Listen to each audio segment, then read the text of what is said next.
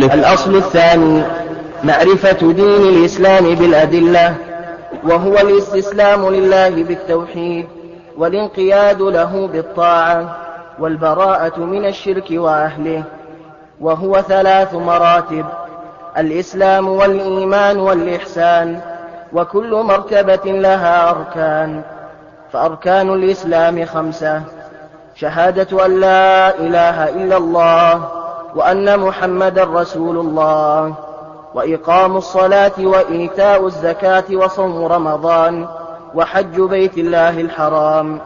فدليل الشهادة قوله تعالى شهد الله أنه لا إله إلا هو والملائكة وأولو العلم قائما بالقسط لا إله إلا هو العزيز الحكيم ومعناها لا معبود بحق إلا الله وحده. لا إله نافيا جميع ما يعبد من دون الله إلا الله مثبتا العبادة لله وحده لا شريك له في عبادته كما أنه ليس له شريك في ملكه. وتفسيرها الذي يوضحها قوله تعالى وإذ قال إبراهيم لأبيه وقومه إنني براء مما تعبدون إلا الذي فطرني فإنه سيهدين وجعلها كلمة باقية في عقبه لعلهم يرجعون وقوله تعالى قل يا أهل الكتاب تعالوا إلى كلمة سواء بيننا وبينكم ألا نعبد إلا الله ولا نشرك به شيئا ولا يتخذ بعضنا بعضا أربابا من دون الله. فإن تولوا فقولوا اشهدوا بأننا مسلمون. بسم الله الرحمن الرحيم. الحمد لله رب العالمين وأصلي وأسلم على نبينا محمد المبعوث رحمة للعالمين وعلى آله وصحبه ومن اتبع سنته بإحسان إلى يوم الدين. أما بعد فهذا هو الأصل الثاني من الأصول التي تضمنتها هذه الرسالة المباركة وهو معرفة دين الإسلام بالأدلة. والأدلة الدالة على هذا الدين القويم أدلة متنوعة أدلة خلقية وأدلة سمعية أدلة مشاهدة وأدلة متلوة. فأما الأدلة المشاهدة فهي ما لفت الله عز وجل إليه الأنظار من الآيات السماوية والأرضية العلوية والسفلية الدالة على صدق ما جاءت به الرسل وصحة ما جاء به النبي صلى الله عليه وسلم من دين الإسلام. وأما الأدلة المتلوة السمعية فهو هذا الكتاب المبين القرآن الحكيم الذي أنزله الله سبحانه وتعالى على خاتم النبيين. والإسلام يتوصل إلى صحته عن الطريقين جميعا عن طريق النظر في الأدلة الخلقية ولذلك أمر الله بالنظر إليها وعن طريق النظر في الأدلة السمعية الأدلة المتلوة الدالة على صحة هذا الدين القويم وأنه من لدن حكيم خبير. فقوله بالأدلة يشمل هذين النوعين. ثم بين رحمه الله الدين بقوله بين دين الإسلام بقوله وهو الاستسلام لله بالتوحيد. والانقياد له بالطاعة وعندي والخلوص من الشرك. وهذه الأمور الثلاثة بها يستقيم إسلام الإنسان.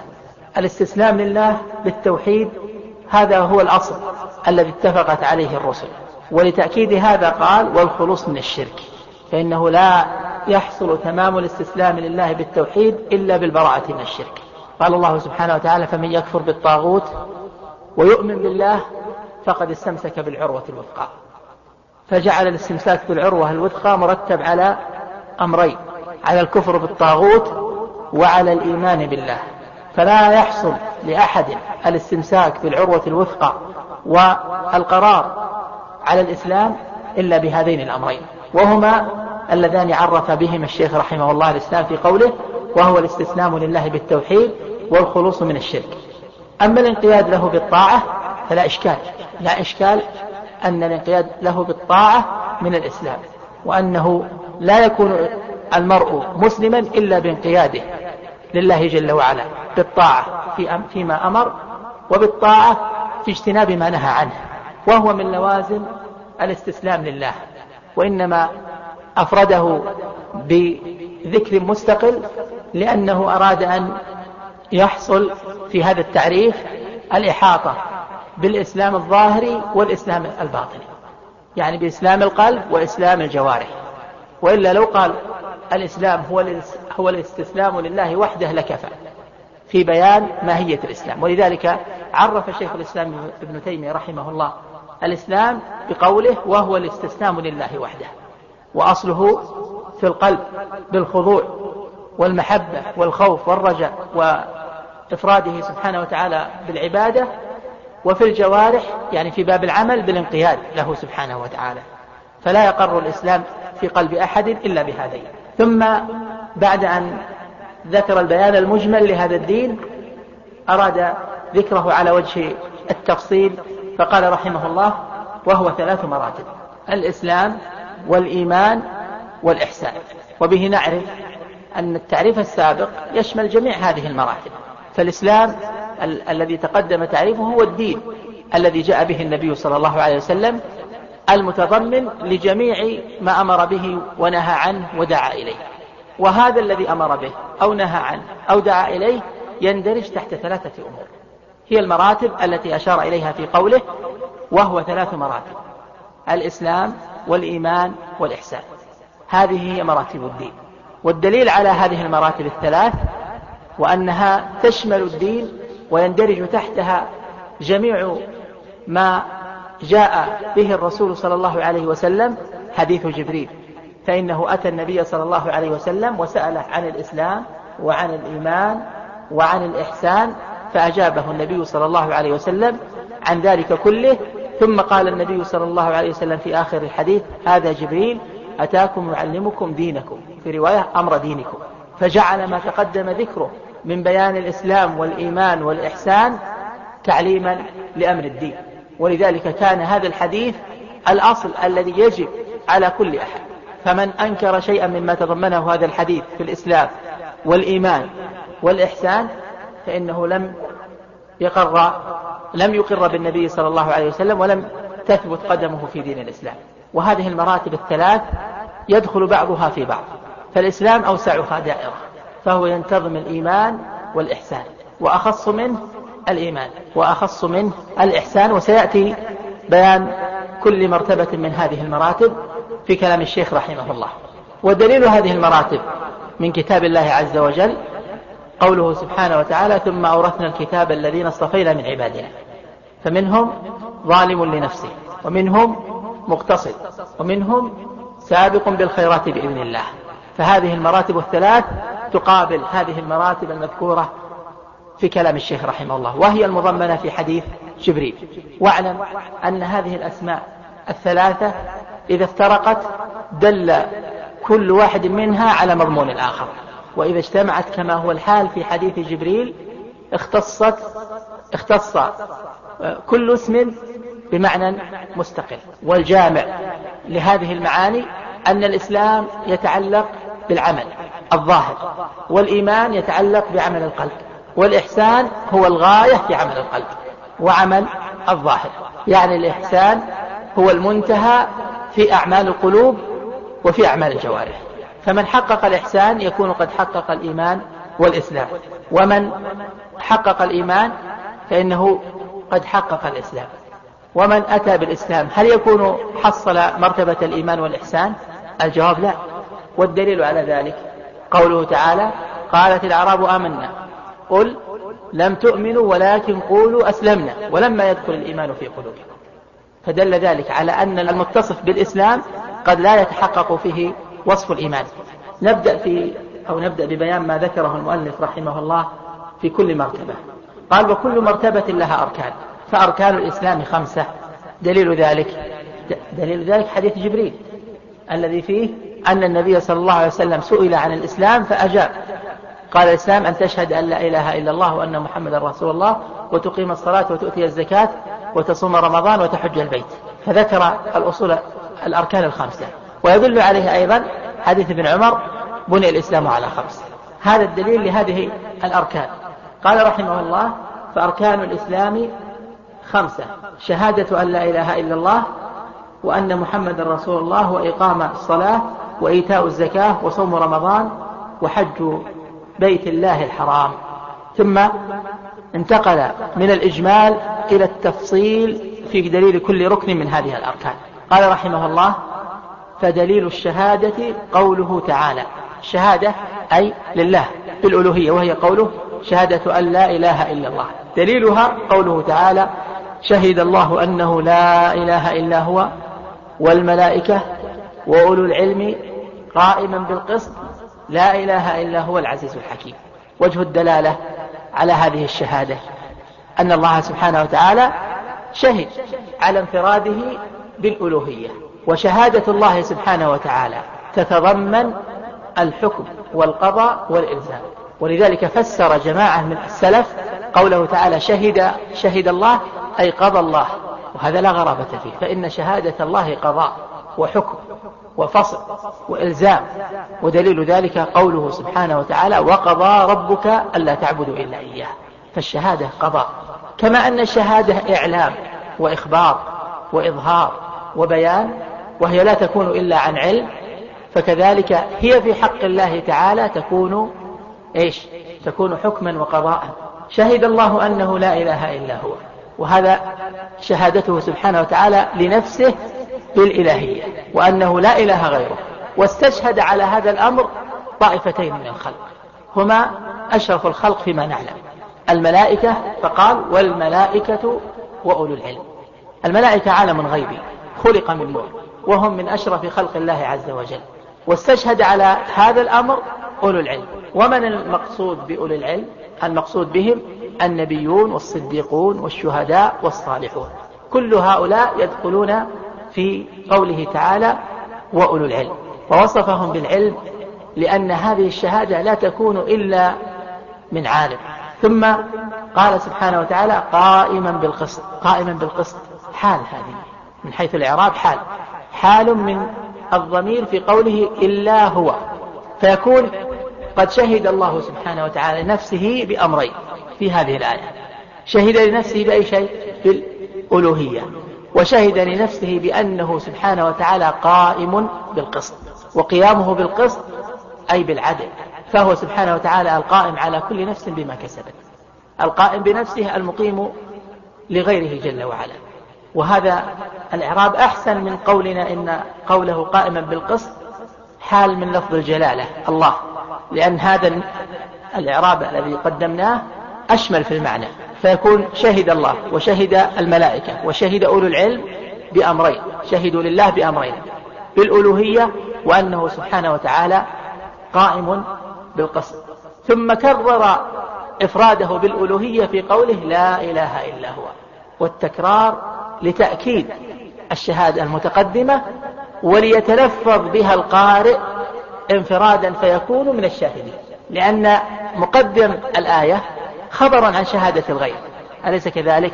شهد الله أنه لا إله إلا هو والملائكة وأولو العلم قائما بالقسط. وهل قراءة هذه الشهادة تحصل بها الشهادة من القارئ؟ لا. ولذلك كررت كلمة التوحيد ليتلفظ بها القارئ حتى يدخل في زمرة أولي العلم. فقال لا إله إلا هو العزيز الحكيم. سبحانه وتعالى.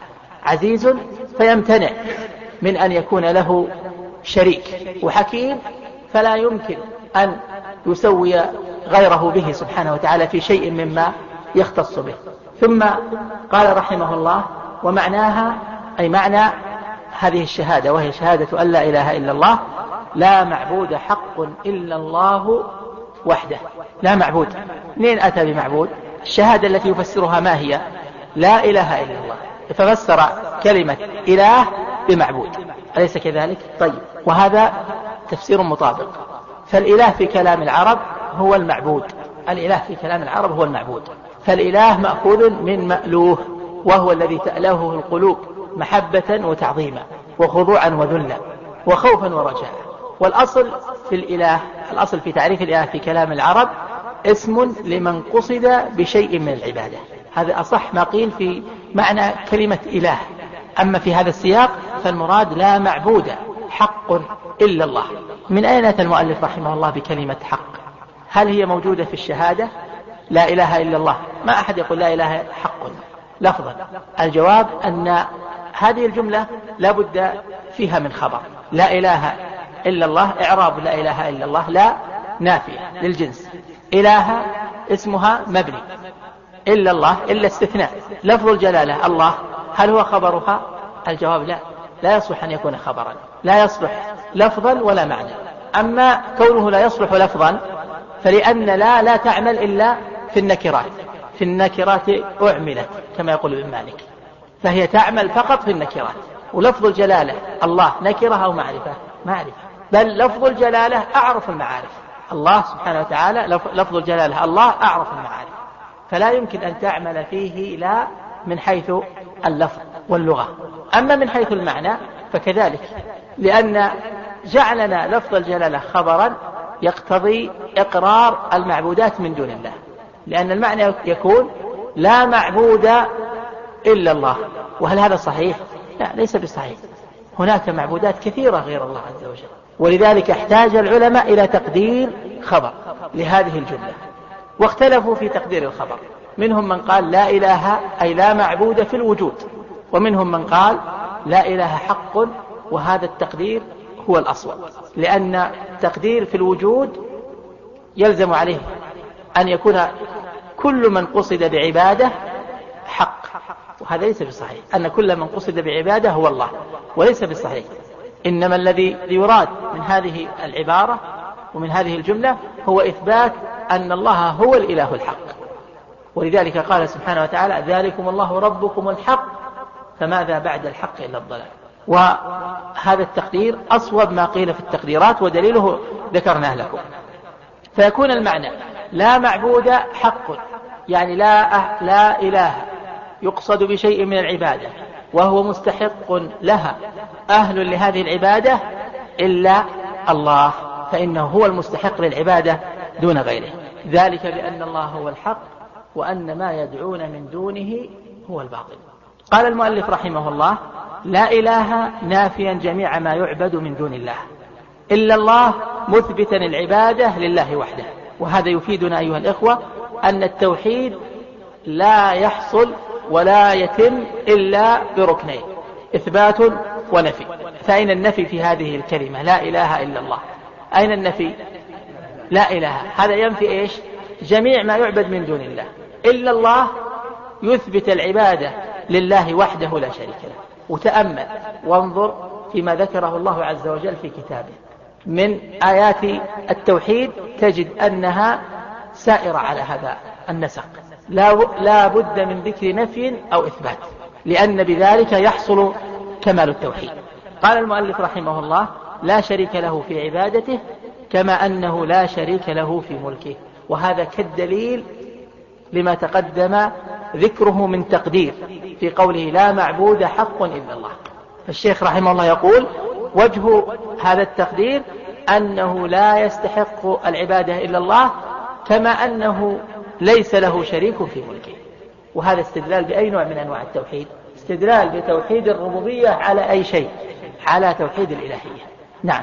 قال رحمه الله وتفسيرها الضمير يعود إلى أي شيء؟ إلى شهادة أن لا إله إلا الله. الذي يوضحها يعني يبينها ويجليها قوله تعالى وإذ قال إبراهيم لأبيه وقومه إنني براء مما تعبدون إلا الذي فطرني فإنه سيهدين.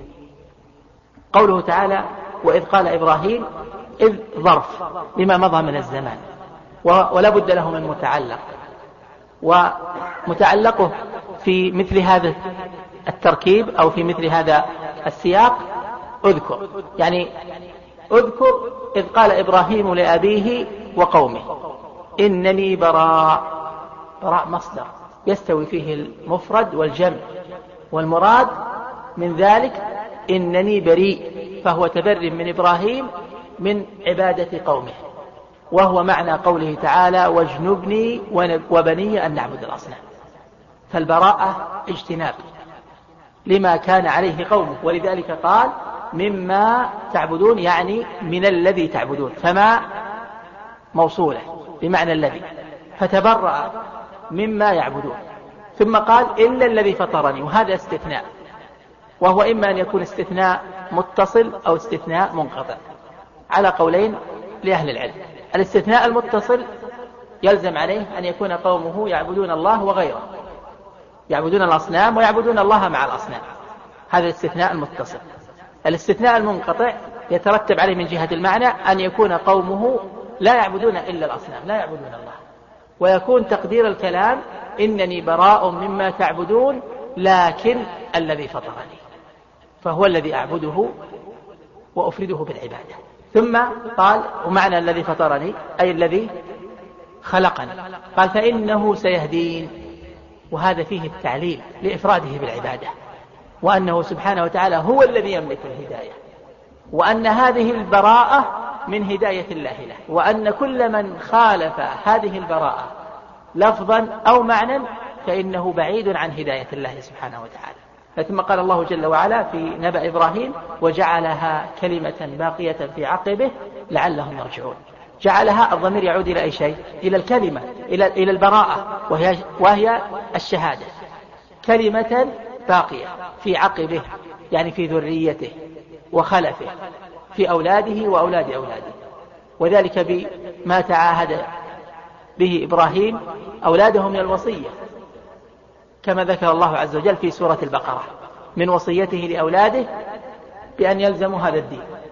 لعلهم يرجعون أي لعلهم يرجعون إلى هذه الكلمة ويلتزمونها. وجه الدلالة من هذه الآية على مراد المؤلف أن شهادة أن لا إله إلا الله تستلزم البراءة من كل ما يعبد من دون الله وأنه لا يستقيم التوحيد إلا بإفراد الله عز وجل بالعبادة والخلوص من الشرك والبراءة من أهله. وهو معنى قوله تعالى فمن يكفر بالطاغوت ويؤمن بالله فقد استمسك بالعروة الوثقى لا انفصام لها والله سميع عليم. فجعل الاستمساك بالعروة مرتب على على هذين الأمرين. ثم قال رحمه الله في بيان هذه الشهادة ومعناها وانظر إلى حسن تأليف المؤلف رحمه الله وقوة تصنيفه حيث لم يفسر هذه هذه الكلمة أو لم يوضحها ويشرحها بكلام من عنده. إنما وضحها بكلام الله عز وجل الذي لا يأتيه الباطل من بين يديه ولا من خلفه. وبهذا يلقم خصومه حجرا لأنه لا يمكن لأحد أن يعارض كلام الله عز وجل إلا من كان في قلبه زيغ. قال وقوله تعالى قل يا أهل الكتاب أهل الكتاب هم اليهود والنصارى. تعالوا إلى كلمة سواء بيننا وبينكم. سواء أي مستو أمرها بيننا وبينكم. وقيل كلمة سواء أي كلمة عدل بيننا وبينكم. وما هي هذه الكلمة؟ هي ألا نعبد إلا الله ولا نشرك به شيئا. هذه هي كلمة العدل. هذه هي كلمة الكلمة التي التي استوى فيها أهل الإسلام وأهل الكتاب. لأن دعوة المرسلين على اختلافهم واختلاف أزمانهم وأماكنهم وأقوامهم واحدة وهي الدعوة إلى شهادة أن لا إله إلا الله. ولا يتخذ بعضنا بعضا أربابا من دون الله هذا تأكيد لأي شيء؟ لإفراد الله عز وجل بالعبادة. وأنه من لوازم العبادة أن لا يتخذ الناس بعضهم بعضا أربابا من دون الله. أربابا جمع رب. والرب هو الذي يملك ويرزق ويدبر ويخلق. والمقصود باتخاذهم أربابا هنا كما بينته السنة اتباعهم في تحريم الحلال أو تحليل الحرام. فمن اتبع أحدا وأطاع في تحريم ما أحل الله أو تحليل ما حرم الله فإنه قد اتخذه أربابا من دون الله. قال فإن تولوا إن لم يقبلوا هذه الدعوة ما أجابوكم إلى ما دعوتموهم إليه من الاجتماع على كلمة سواء وهي إفراد الله بالعبادة فما هو موقف أهل الإسلام؟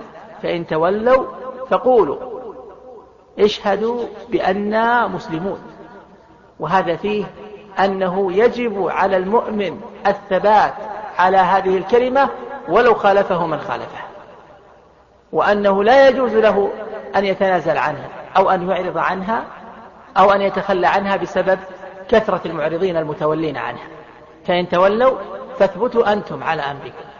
بل وأعلنوا ثباتكم بالتصريح في قوله فقولوا اشهدوا بأننا مسلمون.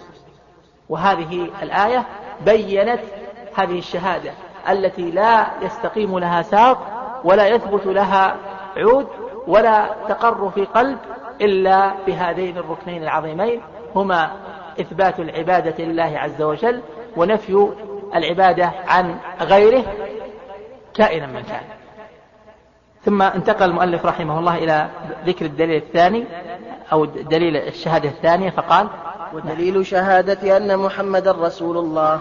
نعم. قوله تعالى لقد جاءكم رسول من أنفسكم عزيز عليه ما عنتم حريص عليكم بالمؤمنين رؤوف رحيم ومعنى شهادة أن محمد رسول الله طاعته فيما أمر وتصديقه فيما أخبر واجتناب ما عنه نهى وزجر وأن لا يعبد الله إلا بما شرع هذه الركن الثاني من أركان شهادة أن لا إله إلا الله. أو من هذه الركن الثاني من أركان الشهادة التي يدخل بها الإنسان إلى الإسلام. الشهادة للنبي محمد صلى الله عليه وسلم بالرسالة. وسيأتي تفصيل ذلك أو تفصيل من هو النبي في الأصل الثالث من الأصول التي ذكرها المؤلف رحمه الله. يقول ودليل شهادة أن محمد رسول الله قوله تعالى لقد جاءكم رسول من أنفسكم. أي من جنسكم. وقيل إن الخطاب لقريش فيكون يعني منكم يعني من العرب. عزيز عليه ما عنتم وعزيز إذا عديت بعلى كان معناها الثقل والشدة أي يثقل عليه ويشق عليه ويشتد عليه ما عنتم يعني الذي يتعبكم ويلحقكم المشقة فهذا وصفه صلى الله عليه وسلم. عزيز عليه مشقة أمته وتعبهم. حريص عليكم. والحرص هو شدة الرغبة في الشيء.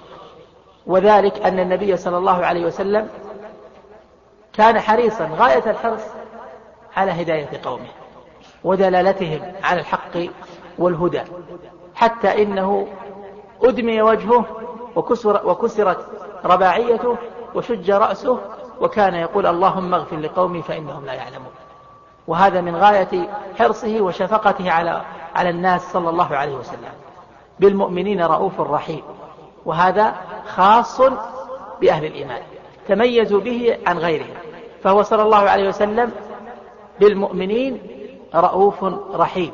والرأفة هي رقة تنشأ عن الخوف بال الخوف على المرء على المرؤوف به. والرحمة تقتضي الإحسان بالمرحوم. فالأولى تقتضي دفع المكروهات الوصف الأول وهو الرأفة يقتضي دفع المكروهات والرحمة تقتضي جلب المحمودات والمحاسن والمحبوبات. والشاهد من هذه الآية قوله تعالى لقد جاءكم رسول من أنفسكم ومن هو الذي جاءنا؟ محمد صلى الله عليه وسلم الذي أخبرنا بهذه الآية. فهذا دليل من القرآن على رسالة النبي صلى الله عليه وسلم. ومن ذلك قوله تعالى إذا جاءك المنافقون قالوا نشهد إنك لرسول الله والله يعلم إنك لرسوله. فأثبت علمه سبحانه وتعالى برسالة الرسول صلى الله عليه وسلم. بل لما طولب النبي صلى الله عليه وسلم بدليل على رسالته قال كفى بالله شهيدا بيني وبينكم. فاكتفى بشهادة الله عز وجل على إثبات رسالته كما تقدم بيان ذلك في ما تقدم من دروسه